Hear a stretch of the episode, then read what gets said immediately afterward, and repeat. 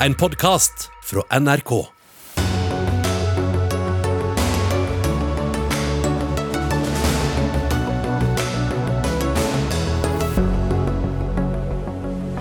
De fem selskapene som har fått mest i koronastøtte, betaler lite i skatt.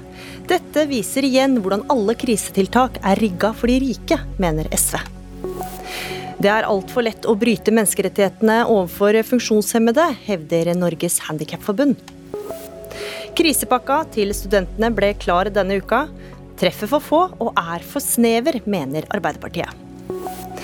Regjeringa vil at barnehager plikter å vurdere barnas, barnas norskkunnskaper før skolestart. Dette vil fjerne barndommens egenverdi, mener barnehagelærer, som frykter utenforskap. Og hvor ble det av melkekartongkrimmen? Ja, Svaret på det mysteriet får du i løpet av den neste timen. Ja, velkommen til Dagsnytt 18, der vi også skal innom CIA-rapporten om drapet på regimekritikeren Jamal Khashoggi, som ventes i dag. Jeg heter Gry Veiby. Fra før er det kjent at fem selskaper mottar nesten halvparten av koronastøtten i den nye kompensasjonsordninga. Nå har Norges handelshøyskole på oppdrag fra NRK gjort beregninger over hva de samme selskapene har betalt i skatt over en femårsperiode. Og selskapene har så langt delt 1,4 milliarder kroner i støtte. Og Ole Andreas Elvik Næss, du er forsker og postdoktor ved Norges handelshøyskole. Og det er du som har foretatt denne skattegjennomgangen. Hvor mye av denne summen har de betalt i skatt? Ja, altså, De har betalt ca. 330 millioner i skatter av en utbetaling på 1,4 eh, over de siste fem årene. Og på en utbetaling på 1,4 milliarder. Da. Så de har, fire, de har fått ca. fire ganger så mye i støtte som de har betalt i skatt på fem år. Mm. Og For de som da ikke tar disse tallene helt instinktivt, eh, hvilke konklusjoner trekker du etter å ha sett på sammenhengen mellom hvor mye de har fått i støtte og hvor mye de har betalt i skatt i løpet av denne femårsperioden?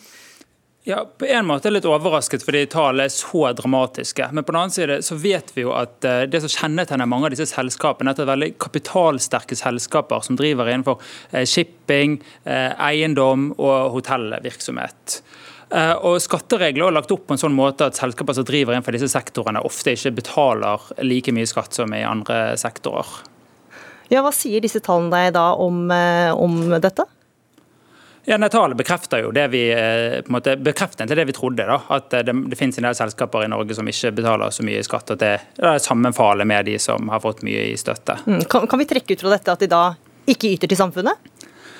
Det er en litt uh, farlig konklusjon å trekke. for Det kan jo bidra på andre måter. og Det kan være bra for samfunnet at vi har disse selskapene. Uh, men det å betale selskapsskatt er jo samtidig en naturlig del av det å være et uh, selskap. så det er jo ja, det, men Jeg vil ikke gå så langt å si at det ikke bidrar med noe, men det, de kunne bidratt mer. Mm.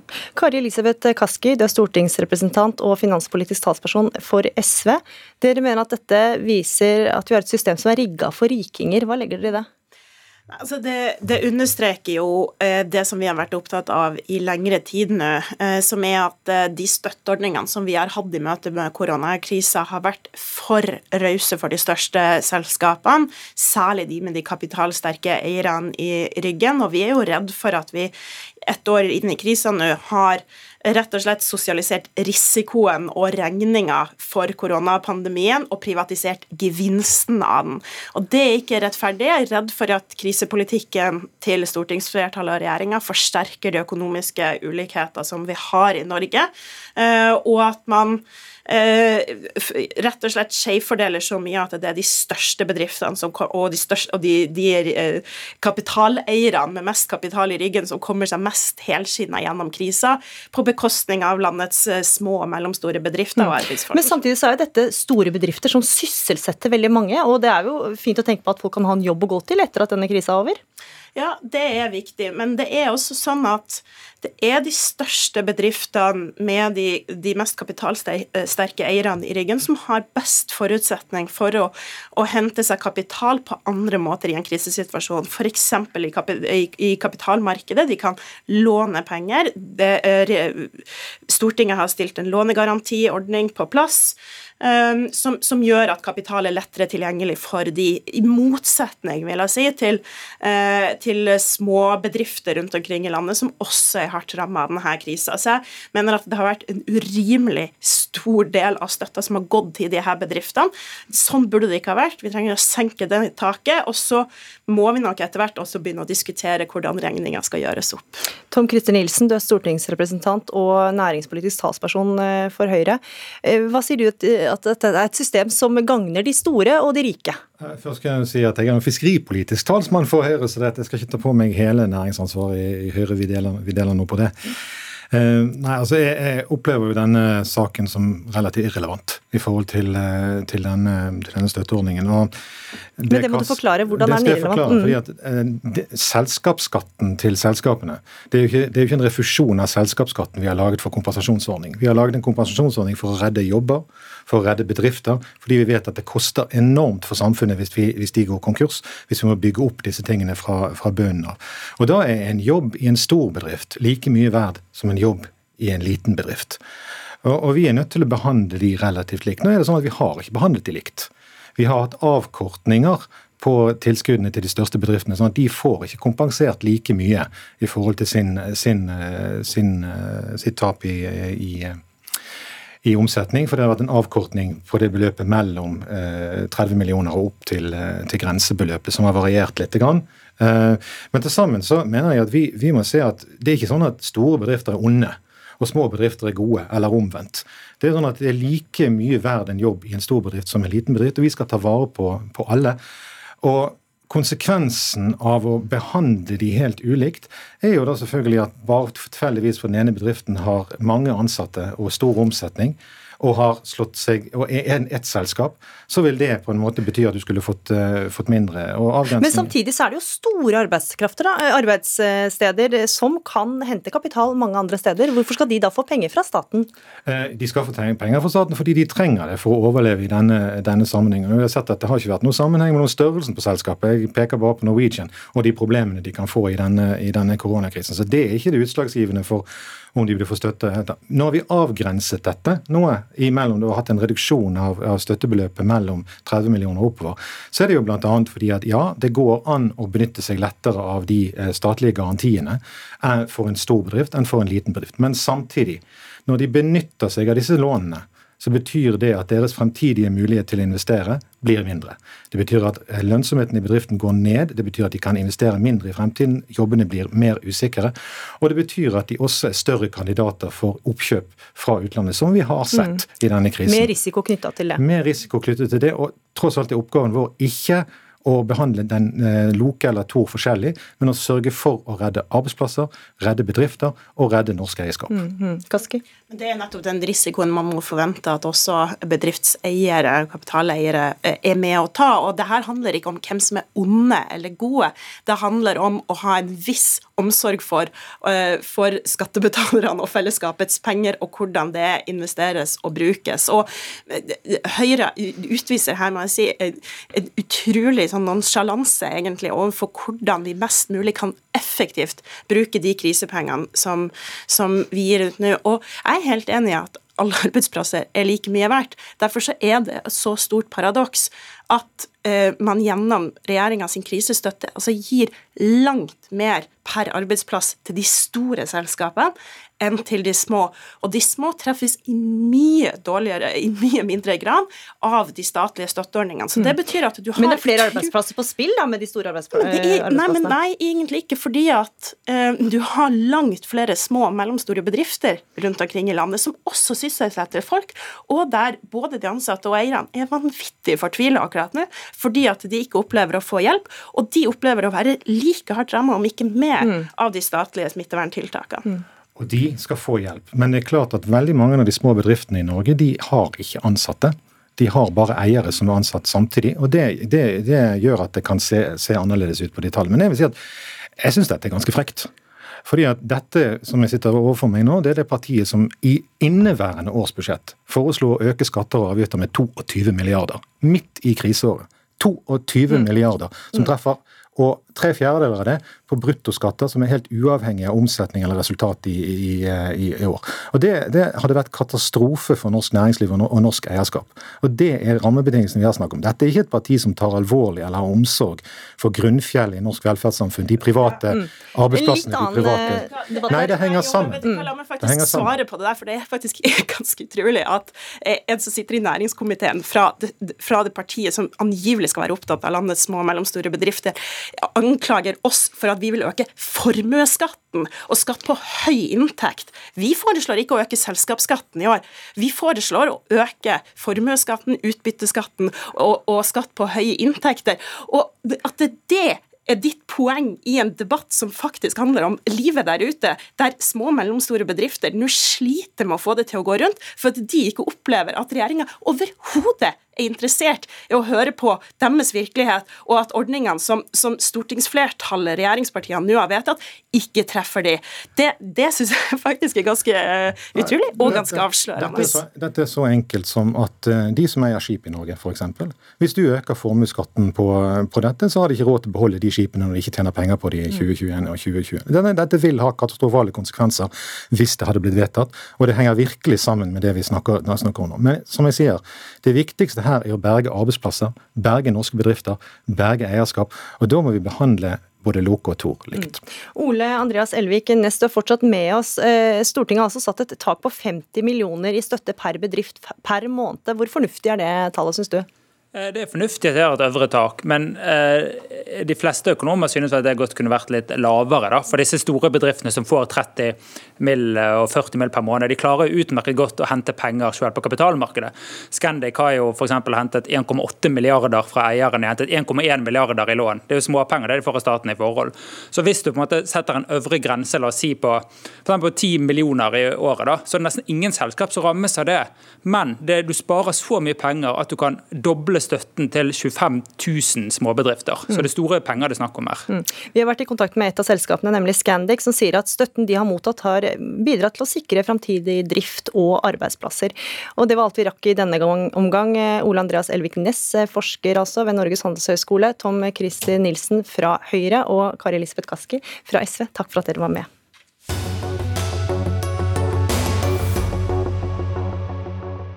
I dag er det venta at USA offentliggjør CIAs rapport om drapet på den saudiarabiske journalisten og regimekritikeren Jamal Khashoggi.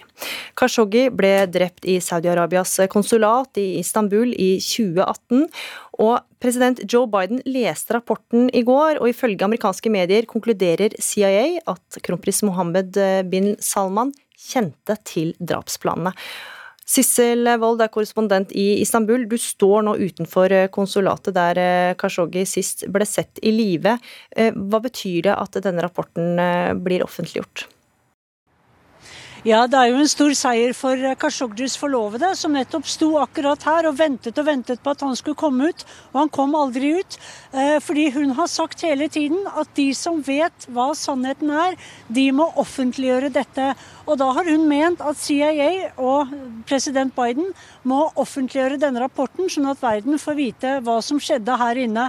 Eh, tyrkisk etterretning har jo lagt frem veldig mye og delt lydopptakene fra konsulatet med USA og med mange andre vestlige land og Saudi-Arabia, sånn at sannheten er der ute, men den er ikke offentlig. Mm, ja, for amerikanske medier avslørte alt en gang at CIA mener drapet ble bestilt av bin Laden, men bevisene er aldri blitt offentliggjort. Så hva slags beviser er det venta å komme?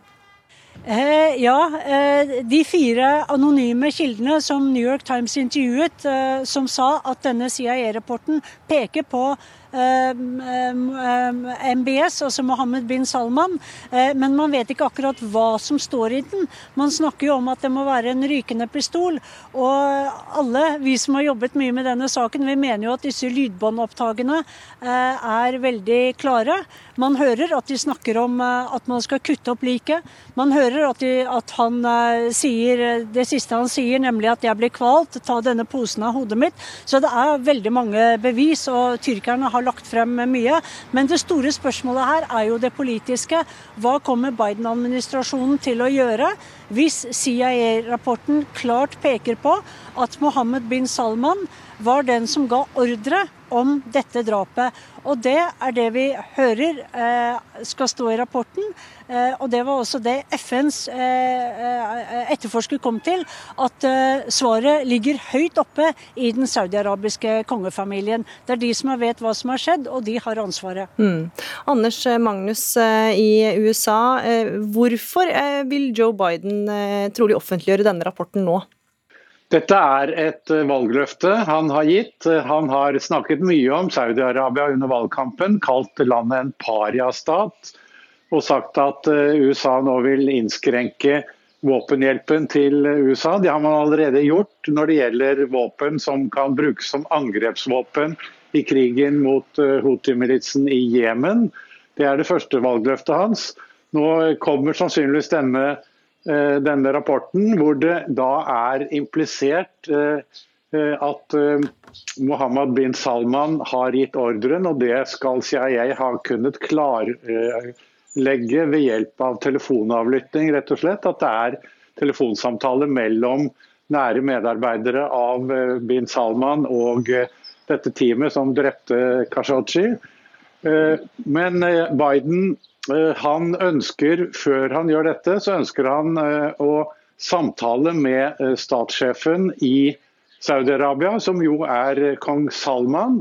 Det kan bli en litt rar samtale. Det blir nok mye diplomati også her. Men det er jo rapportert at den gamle kongen trolig har Alzheimer, og at det er derfor hans sønn Mohammed bin Salman i praksis har overtatt statsstyret. men Eh, Biden holder da fast ved det, eh, protokollen og, til, og skal ringe til uh, kong Salman først.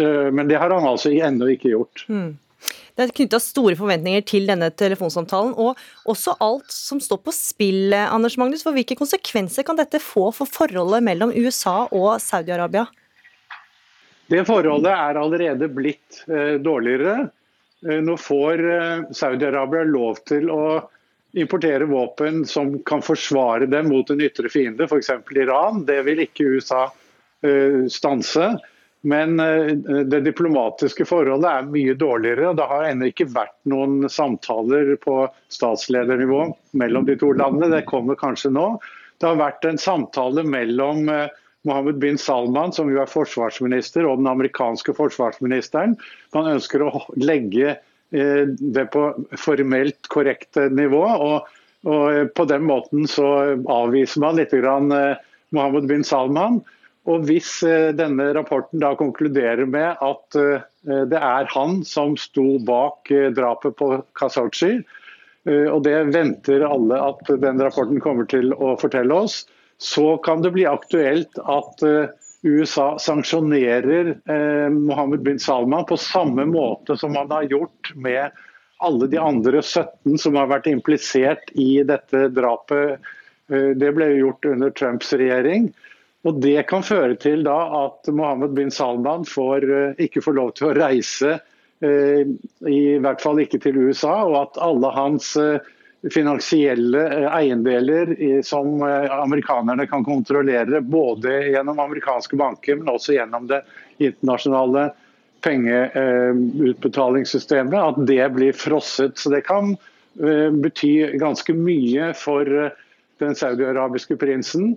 Det kan føre til at krefter i Saudi-Arabia finner ut at de er bedre tjent med en annen statsleder enn Mohammed bin Salman, så det kan få store konsekvenser i eh, saudi-arabisk innenrikspolitikk. Mm. Og Tilbake til denne telefonsamtalen, Sissel Wold. Det er også mye spenning knytta til den, også i Saudi-Arabia. Skal vi se, der eh, mista vi Sissel Wold. Eh, denne saken eh, blir det eh, garantert mer om. Saudi-Arabias kronprins Mohammed bin Salman har beklaga drapet på den regimekritiske journalisten Khashoggi, men har nekta for å ha beordra det. Sissel Wold, korrespondent i Istanbul, og Anders Magnus, korrespondent i USA, takk for at dere var med i Dagsnytt 18.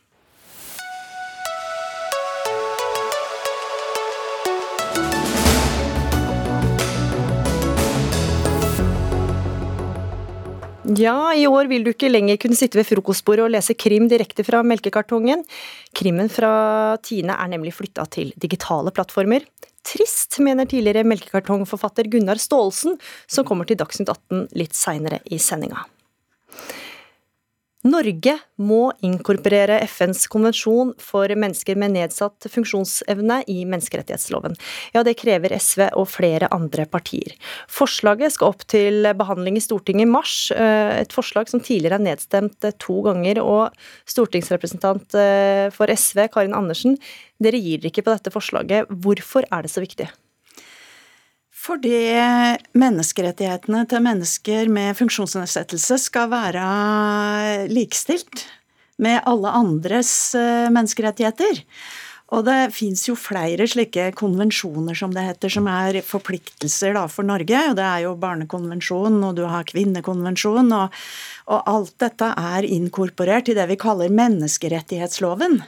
Så når den eneste sånne konvensjonen vi har, har, eh, har, ratifisert, som handler om mennesker med funksjonsnedsettelser, den skal ikke inn i den menneskerettighetsloven, så er jo det en diskriminering i seg sjøl.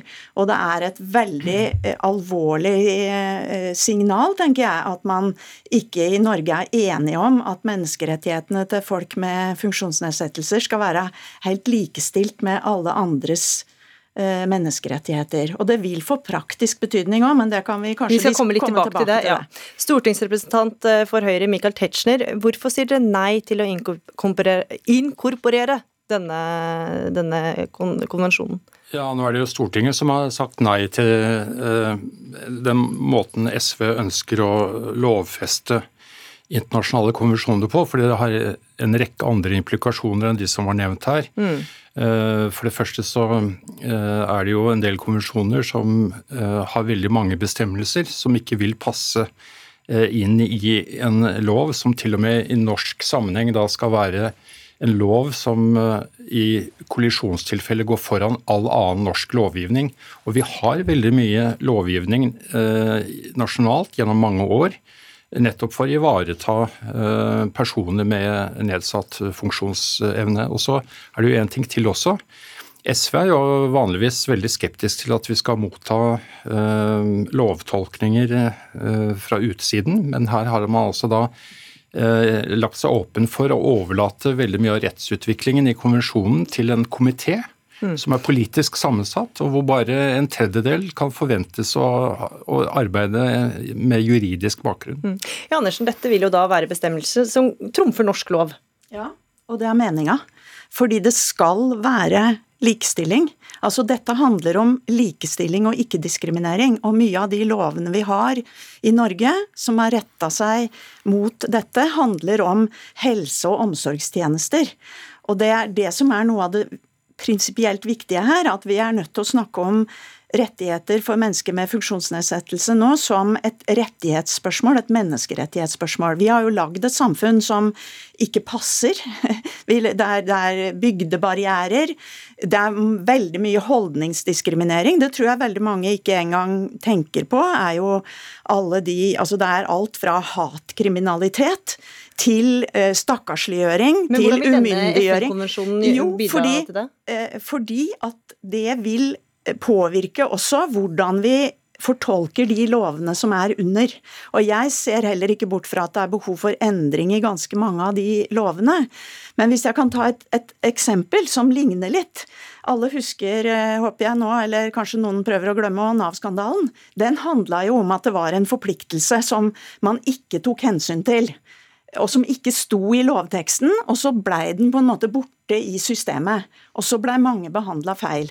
Derfor mener jeg at man kanskje også til og med bør nevne CRPD i mange av de lovene som handler om ulike typer, eh, bl.a. Uh, ting som skal sørge for tilrettelegging. Da. Mm.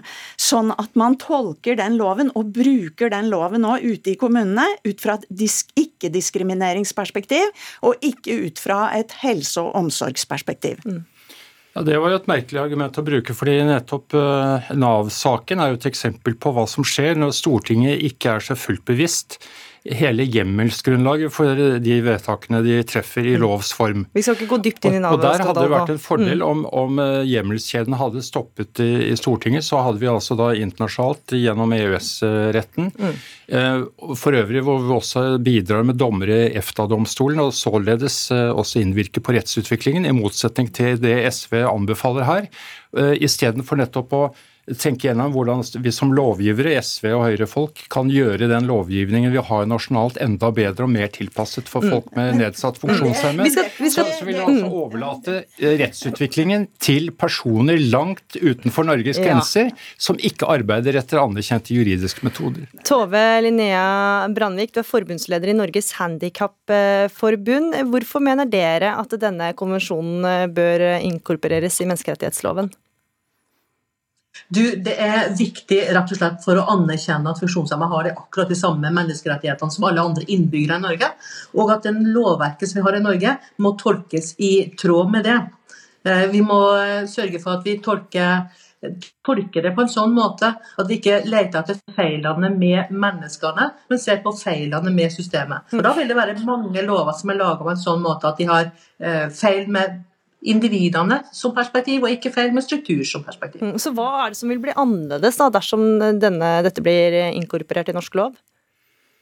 Nei, Det handler jo rett og slett om det lovverket vi har i, i Norge i dag, eh, som utøves av veldig mange ulike nivå. Det er stat, kommune, fylkeskommune.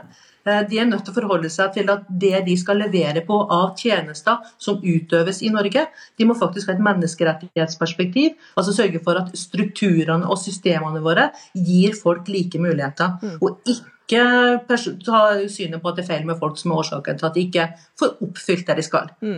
Ja, men Dette er jo hensyn som har gjennomsyret eh, norsk nasjonal eh, lovgivning. Så Altså- lovgivningen i dag er allerede god nok, Nei, Tetzschner? nei, nei, det er ikke det jeg sier, men det gjennomsyrer, og, og Stortinget bruker mye av sin tid på dette. Men det som er eh, forslaget her, går dypt sett ut på å overlate eh, definisjonen av hva som er vår, skal være våre prioriteringer, til folk som ikke kjenner Norge, som ikke kjenner den tradisjonen vi står i.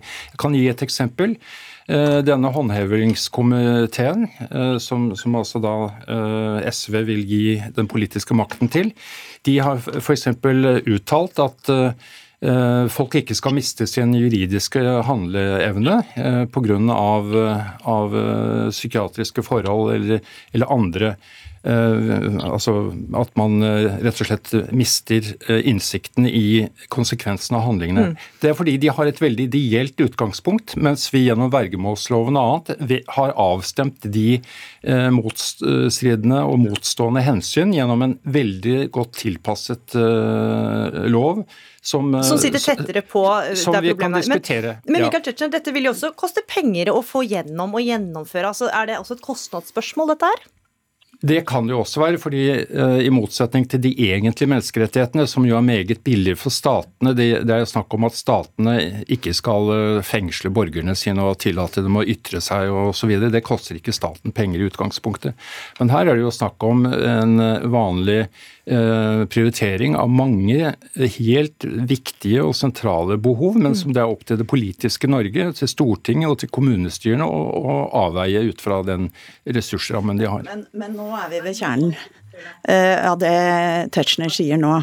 Han mener at dette ikke er egentlige menneskerettigheter, og det er det det er. Sjøl om det er nytt, for man er vant til å kunne bestemme over mennesker med funksjonsnedsettelser. Bestemme over livene deres og ta friheten fra dem. Og dette handler om at vi er nødt til nå å se at dette er diskriminering, på samme måte som det har vært diskriminering mot barn, mot kvinner. Det har vært rasisme, og dette skal likestilles. Så er det helt riktig at Norge kan bli på, eller i hvert fall få en pekefinger på at vi må endre lovverket. For, Og det mange, mener for jeg- mange kobler nettopp Ja. som du gjør, ikke sant? Det, det, dette virker som eh, til kvinners eller barn, barnekonvensjonen. Men du mener at dette ikke kan sammenlignes, Tetzschner. Hvorfor ikke det? Jo, altså For det første, de virkelige menneskerettighetene de er allerede uttrykt både i eh, Norges grunnlov, som eh, igjen vil ha ranghøyde over denne menneskerettighetsloven, og også av eh, de sentrale menneskerettighetskonvensjonene Norge har vært en del av i FN-systemet siden 1948. Det er ikke der problemet ligger. fordi eh, her er det jo snakk om å ta én av 60 paragrafer. Jeg kan nevne én mm. Eh, som nå skal opphøyes og bli viktigere enn all annen lovgivning i Norge. Bl.a. At, at Norge skal påse at folk med funksjonshemninger omtales positivt til pressen. Mm. Det syns jeg er veldig fint, men er, vi har ikke det systemet hvor det er myndighetene som bestemmer hva som skal ytres i avisene. Dette viser jo bare at Høyre ikke er interessert i å se det diskrimineringsperspektivet som er i at noens menneskerettigheter ikke skal likestilles med andre.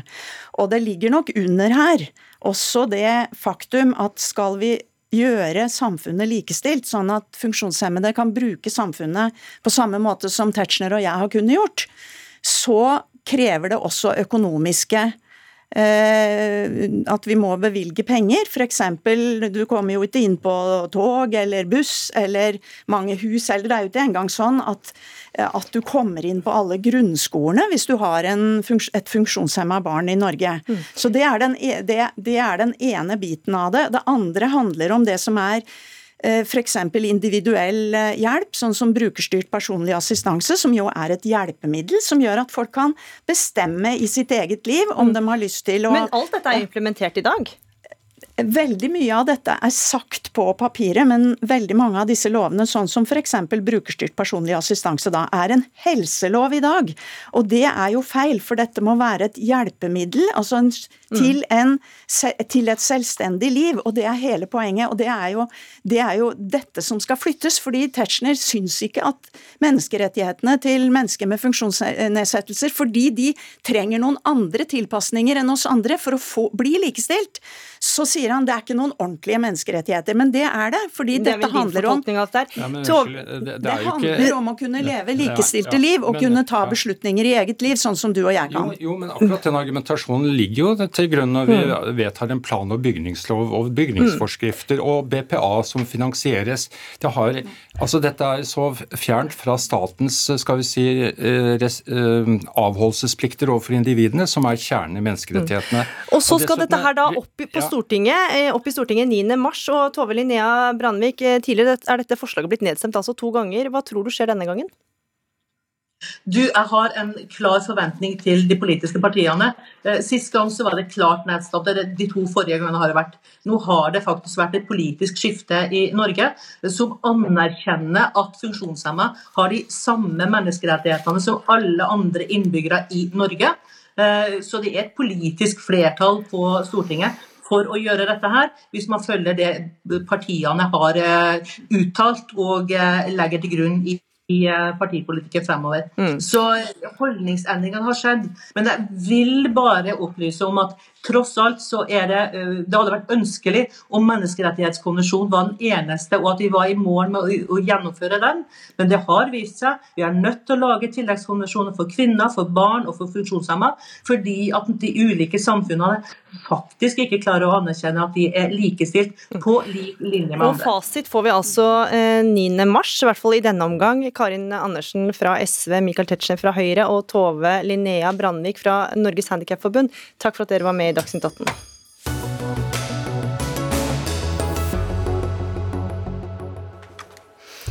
Regjeringas krisepakke til studentene treffer for få og er for snever. Ja, det mener opposisjonen etter at regjeringa med støtte fra Fremskrittspartiet vedtok krisepakka denne uka.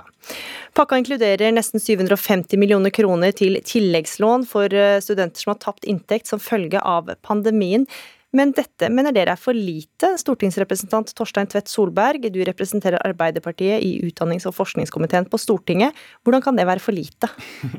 Nei, Det er jo selvfølgelig mye penger, og det er bra at endelig nå kom en krisepakke til studentene. Men Stortinget sitt vedtak var at det skulle komme en milliard til stipend. Så når det ikke følges opp av regjeringen, så får vi jo en ordning som er snevrere som treffer flere studenter, og som jeg mener har for mye lån i seg. Og Faren her er jo at uh, dette er jo en ordning som vi snakker om retta mot studenter som har mista inntekt. Nå har det vært et veldig spesielt år som vi har bak oss, der en ikke har hatt sommerjobb, en har ikke fått uh, kunne hatt deltidsjobbene, altså alle deltidsjobbene har nesten forsvunnet. Undersøkelser viser at sparepengene på en måte nå er brukt opp. Studenter er en av de gruppene som har slitt mest økonomisk gjennom denne, eh, denne krisa. Og da mener vi at en burde, eh, og har foreslått i Stortinget, at en burde utvide stipendandelen, inkludert førsteårsstudentene, sånn at en hadde truffet enda flere av de Mm, som nå trenger Men stipendandelen økes jo til 40% i denne runden. Det er i hvert fall bedre enn forrige runde. Da eh, var det bare 30% og da så man at det var veldig få som brukte det. Og det er jo egentlig litt spesielt at studenter som eneste gruppe under denne krisen i all hovedsak får tilbud om et eh, lån. Og det er det jeg er litt redd for, at det betyr at færre da benytter seg av ordningen fordi det er så mye lån. så Derfor mener vi at stipendet må øke, sånn at flere benytter seg av det. Forsknings- og høyere utdanningsminister Henrik Asheim kunne ikke komme til Dagsnytt 18 i dag, men det kunne du, Mathilde Tybring-Gjedde. Du representerer Høyre og sitter i utdannings- og forskningskomiteen. Hva sier du til at denne krisepakka er for snever og treffer for få? Altså, jeg skjønner at Arbeiderpartiet har måtte, behov for å overby alt det regjeringen ville lagt frem, men jeg opplever nok her at her har man lett litt etter lupe for noe å kritisere. fordi at i januar så krevde Arbeiderpartiet da en studentmilliard til studenter som hadde mistet jobben våren 2021.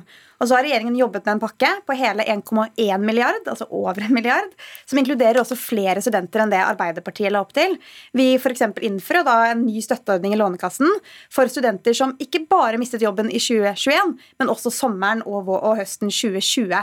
I tillegg til at vi da økte stipendandelen fra 30 til 40% Og så er det sånn at eh, 70% av studentene forteller at det ikke har, ikke har gått utover økonomien deres denne koronapandemien. Eh, Det er da 20% som forteller, mm. så det er viktig å målrette og støtte til de som faktisk kjenner det på kroppen. Men det, de, det veldig mange studenter forteller, er jo at de har slitt med ensomhet og med økende psykiske problemer. Sånn at i tillegg til å ha lån og stipend, som også Arbeiderpartiet vil ha, så har regjeringen også kommet med en pakke på flere tusen studentjobber, og ikke minst en satsing på psykisk helse. Så her er på en totalpakke på over en milliard, og Mm. det vil jeg tro at man var fornøyd med. Men la oss holde dette altså, til denne første krisepakka. Da, så var det bare 20% av studentene som benytta seg av ordninga. Så hvor stor er nøden egentlig? Jeg tror nøden er mye større. Og en skal huske, som jeg sa, at det studentene fikk tilbud om, var et eh, lån. Som eneste gruppe er det de, det de eh, blir tilbudt. Og jeg tror det er store mørketall her. Undersøkelsene viser forskjellige ting, så jeg er jo ikke enig heller med Høyres virkelighetsbeskrivelse Så, så her. du mener at det ikke viser at det nødvendigvis eh, ikke er så mange som faktisk har mista inntekten sin? Nei, altså, det er mer at de ikke ville ta imot for det også var at de fikk lån på det? Ikke sant? For eksempel så sier jo en tredjedel at de har Mm. fått støtte hjemmefra. En tredjedel sier at de har nesten brukt opp alle sparepengene sine. Så her har han liksom henta litt her og der. Og det som jeg mener, det som er den store faren her, hvis denne utviklingen får fortsette, er jo at flere faller fra studiet.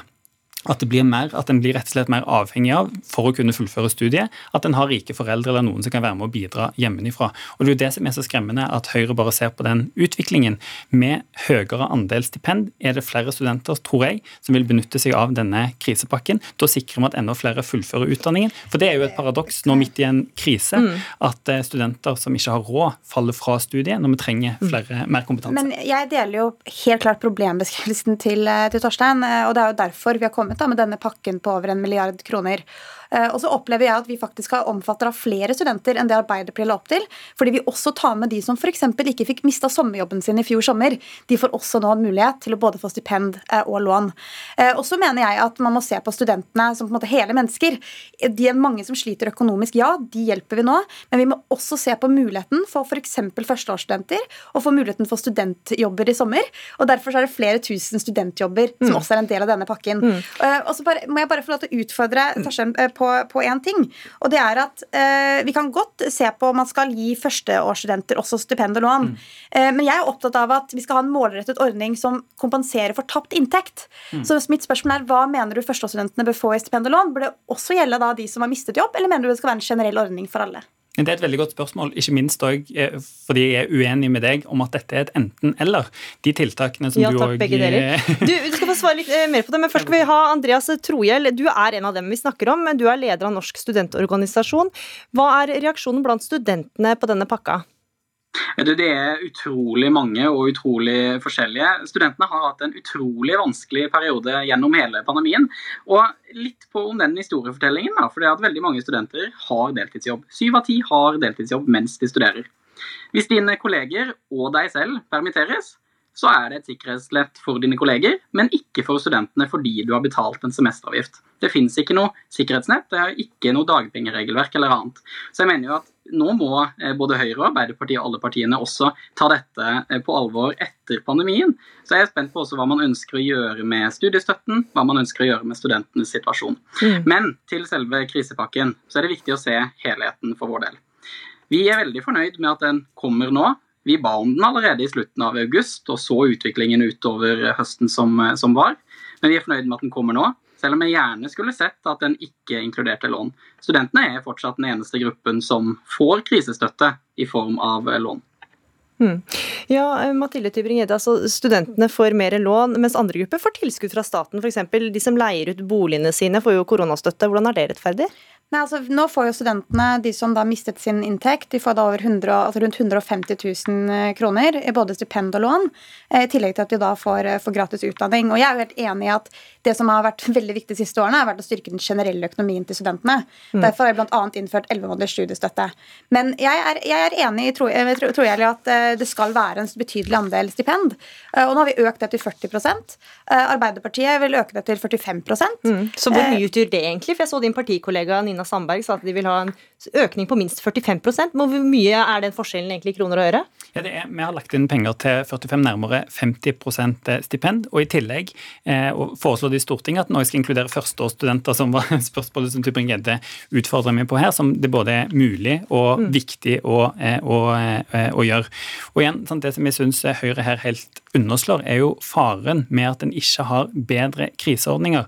At folk heller velger å slutte på studiet mm. fordi de rett og slett må jobbe eller de må få seg en inntekt fordi f.eks. boligprisene er så høye. Og, og da er vi ved veis ende med argumentene. Eh, Mathilde Tyvring-Gjedde fra Høyre, Torstein Tvedt Solberg fra Arbeiderpartiet og Andreas Trohjell, leder av Norsk studentorganisasjon, takk for at dere var med i Dagsnytt 18.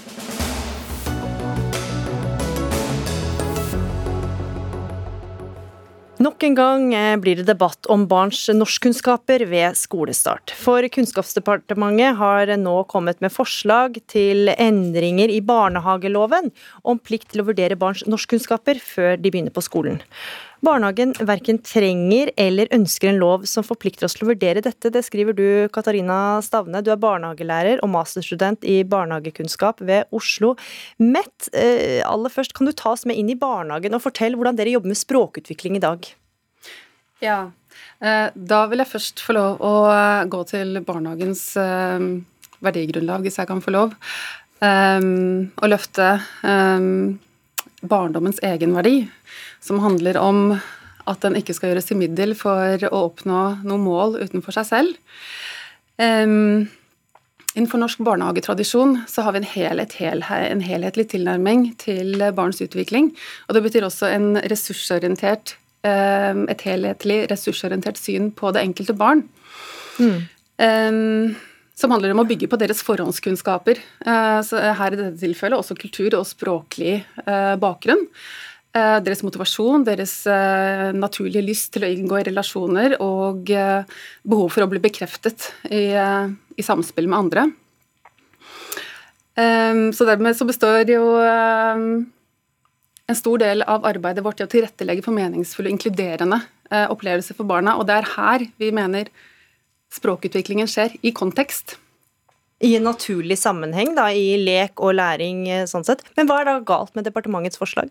Altså kritikken, En del av kritikken uh, her er jo rettet mot uh, det at man um, Departementet her, uh, regjeringen, ser bort fra den forskningen som finnes rundt språktilegnelse og flerspråklig tilegnelse i særdeleshet.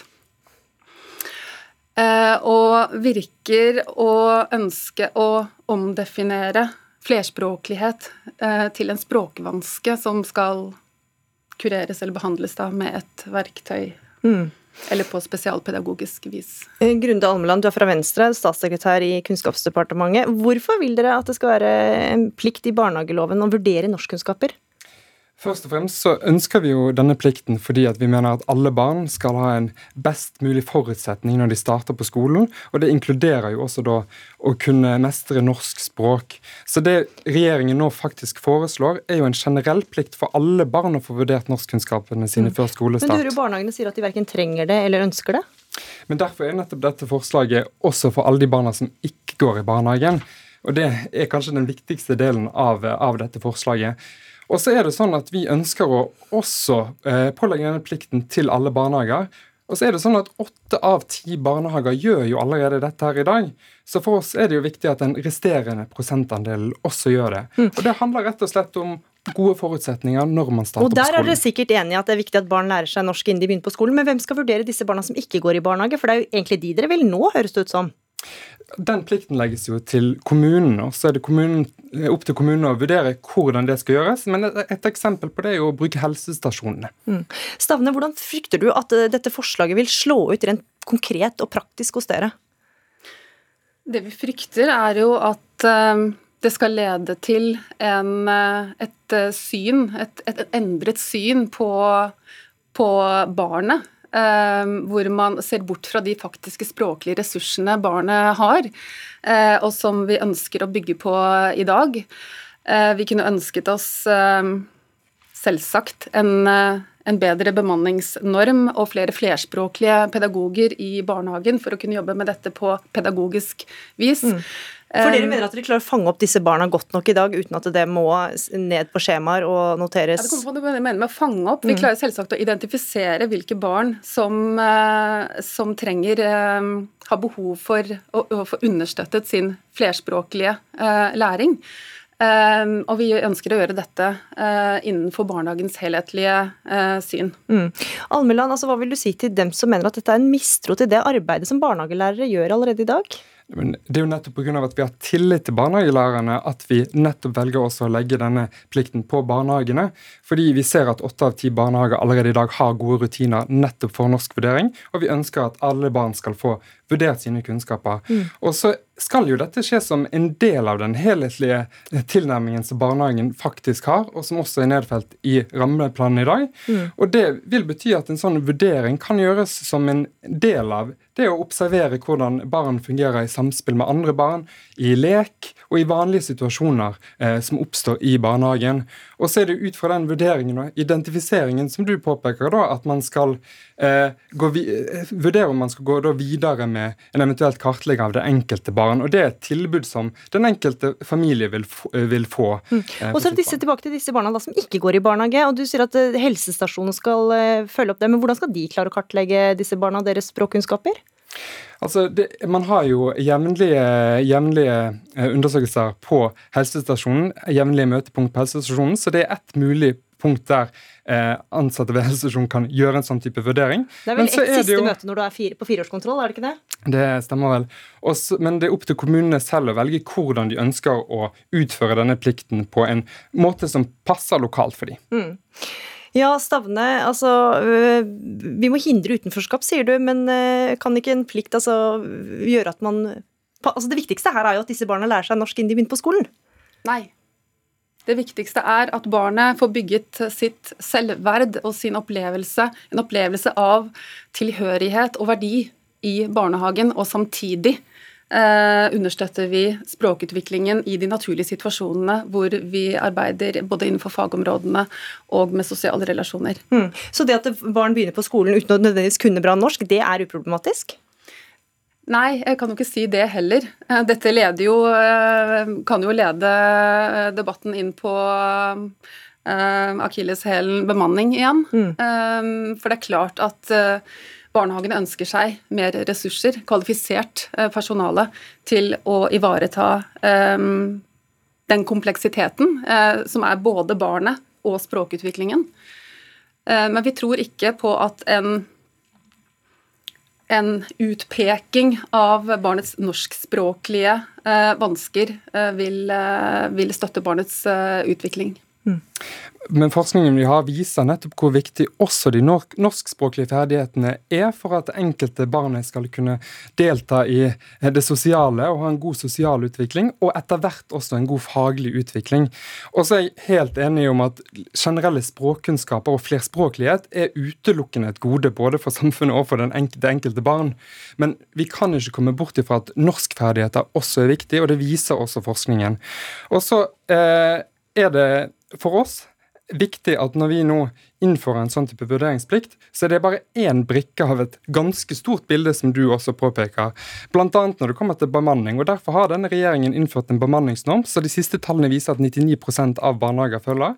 Vi vet også at den viktigste enkeltfaktoren for å sørge for en god barnehage for det enkelte barn, mm. er kompetente ansatte. Derfor satser også denne regjeringen på videreutdanning. Og det er mange grep som må gjøres mm. for en best mulig barnehage. Dette er ett av dem. Men kan du da garantere at dette her forslaget ikke vil føre til at barnehageansatte må bruke mer tid på å vurdere og rapportere? Dette, Som mange frykter.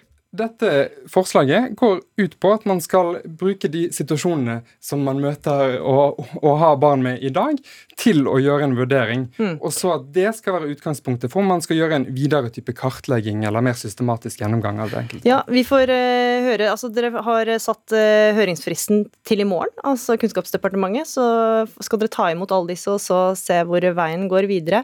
Katarina Stavne, barnehagelærer og masterstudent i barnehagekunnskap ved Oslo OsloMet, og Grunde Almeland, statssekretær for Venstre i Kunnskapsdepartementet. Takk for at dere var med i Dagsnytt 18.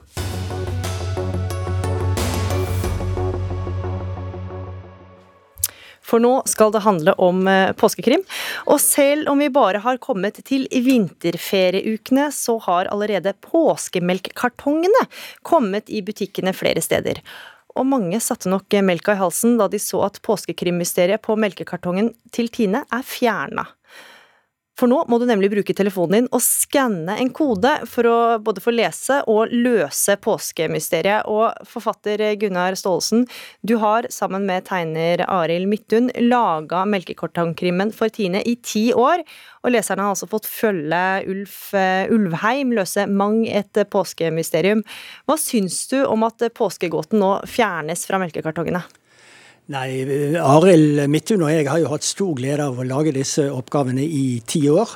Eh, og eh, vi har jo hele tiden sett på dette som en oppgave som skal treffe hele familien. Og vi har fått veldig mange tilbakemeldinger, hilsener ved påsketider fra barn som sitter, eller familier som sitter sammen, voksne og barn, rundt frokostbordet og har det moro med å prøve å løse den eh, gåten der. Og vi har på en måte siktet den inn mot både de minste barna og de aller eldste familien, som alle kan snu rundt på en melkekartong. Mm. Når du nå eh, begrenser dette til å skal ha en sånn QR-kode som eh, fører deg til mobiltelefonen, for det første så tror jeg du snevrer inn hvem du skal treffe da. For det er veldig mange av min generasjon. Vi har et dårlig forhold til disse kodene, og de minste barna vil heller ikke kunne bruke de. Så jeg tror nok Tine her sikter inn mot et ungdoms ungdomspublikum, for å kalle det det på godt. Og da mister de veldig mange av sine, sine lesere, eller sine, de som eh, vil, eh,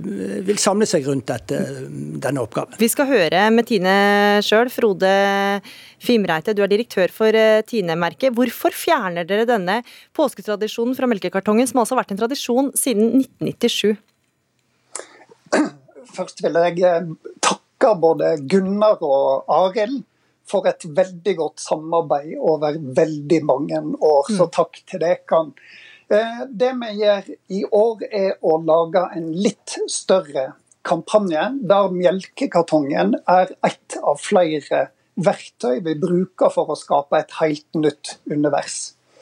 En av de konsekvensene dette har fått, er at vi får mindre plass til selve krimmen på kartongen. Så i år har vi laga en ny krim med en kvinnelig privatdetektiv som vi har kalt Jenny Jodd. Som eh, skal være med og løse ganske en ganske interessant gåte. Men som man altså da må gå inn på nettet for å lese. Så hva med den eldre garde som også drikker melk og som vil kose seg med påskekrim, eh, mm, Fimreite? Jeg tror folk flest klarer fint å gå inn på enten mobiltelefonen sin eller på PC-en sin og åpne opp for å komme fram til, til den krimmen. Hva skjer med samtalen rundt frokostbordet da, Fimreite? Og vi som eh, kanskje gjerne vil ha mobilene vekk fra, fra frokostbordet?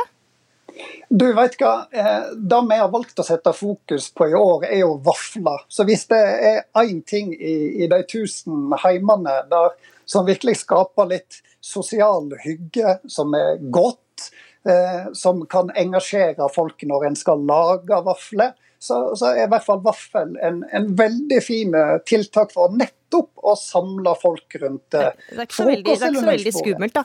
Nils Nordberg, du er ekspert på krimlitteratur og tidligere krimsjef i NRK Radioteatret. Påskekrim er et veldig norsk fenomen. Hva er det med oss nordmenn og påskekrim? Det er særnorsk. Det er spesielt norsk. Det finnes, finnes ikke noe annet sted i verden. Jeg har blitt intervjua både av engelske og franske aviser om dette merkelige fenomenet, for det er ingen som skjønner noe av det. Eh, men eh, det, det, det går langt tilbake. Det går nok eh, ja, 100 år siden det begynte å oppstå som et fenomen. og Det som på en måte, hva skal si, gjorde det til en slags etablert tradisjon, det var nok en bok som kom i 1923 Eh, som het 'Bergenstoget plyndret i natt'. Var for øvrig skrevet av to bergensere, så de hadde vel mye erfaring med å reise med det toget. Eh, og de valgte å skrive en kriminalroman i stedet for å rane toget selv. Eh, og den ble reklamert for på den måten at forlaget det var for øvrig Harald Grieg Gyldendal. Eh, og det var hans bror Nordahl Grieg og Nils Lie som hadde skrevet boka. Mm.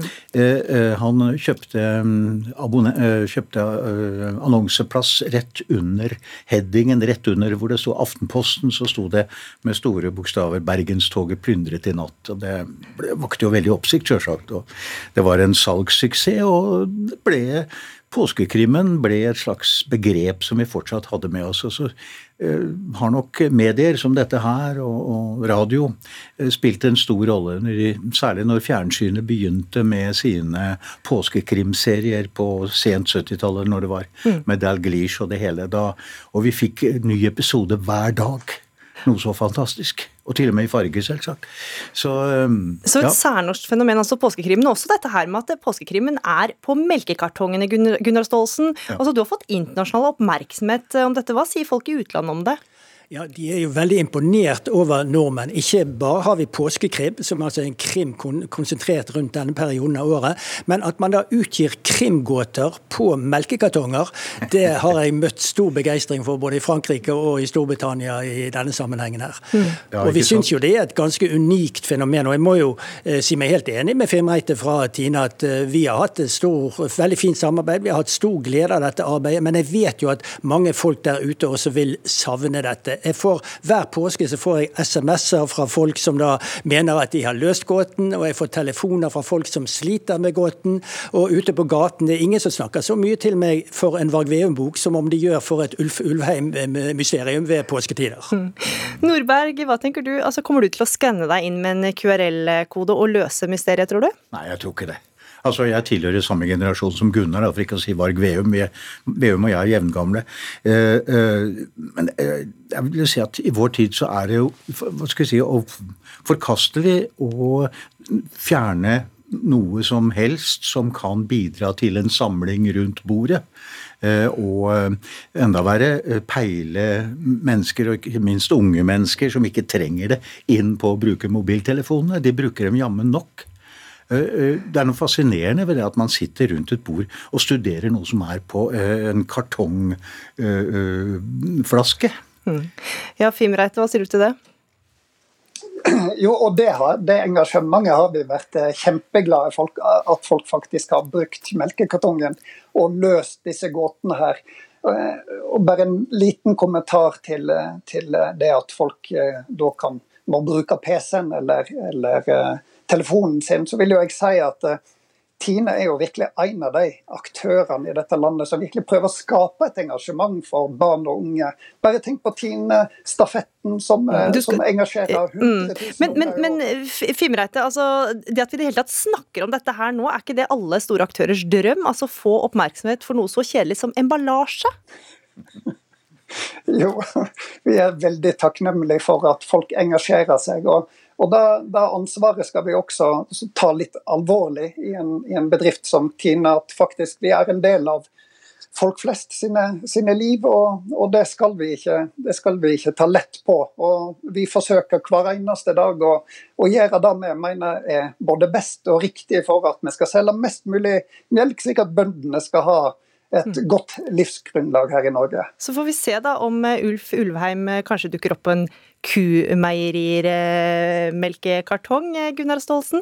Takk for at du var med i Dagsnytt 18. Takk for at du var forfatter, Gunnar Staalesen altså. Frode Fimreite, direktør for Tine-merket, og Nils Nordberg, ekspert på krimlitteratur og tidligere krimsjef i Radioteateret her i NRK. Dagsnytt 18 er over. Dag Dørum, Eli Kirkjebø og Gry Veiby takker for følget.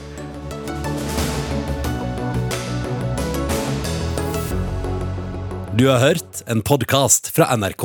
Hør flere podkaster og din favorittkanal i appen NRK Radio.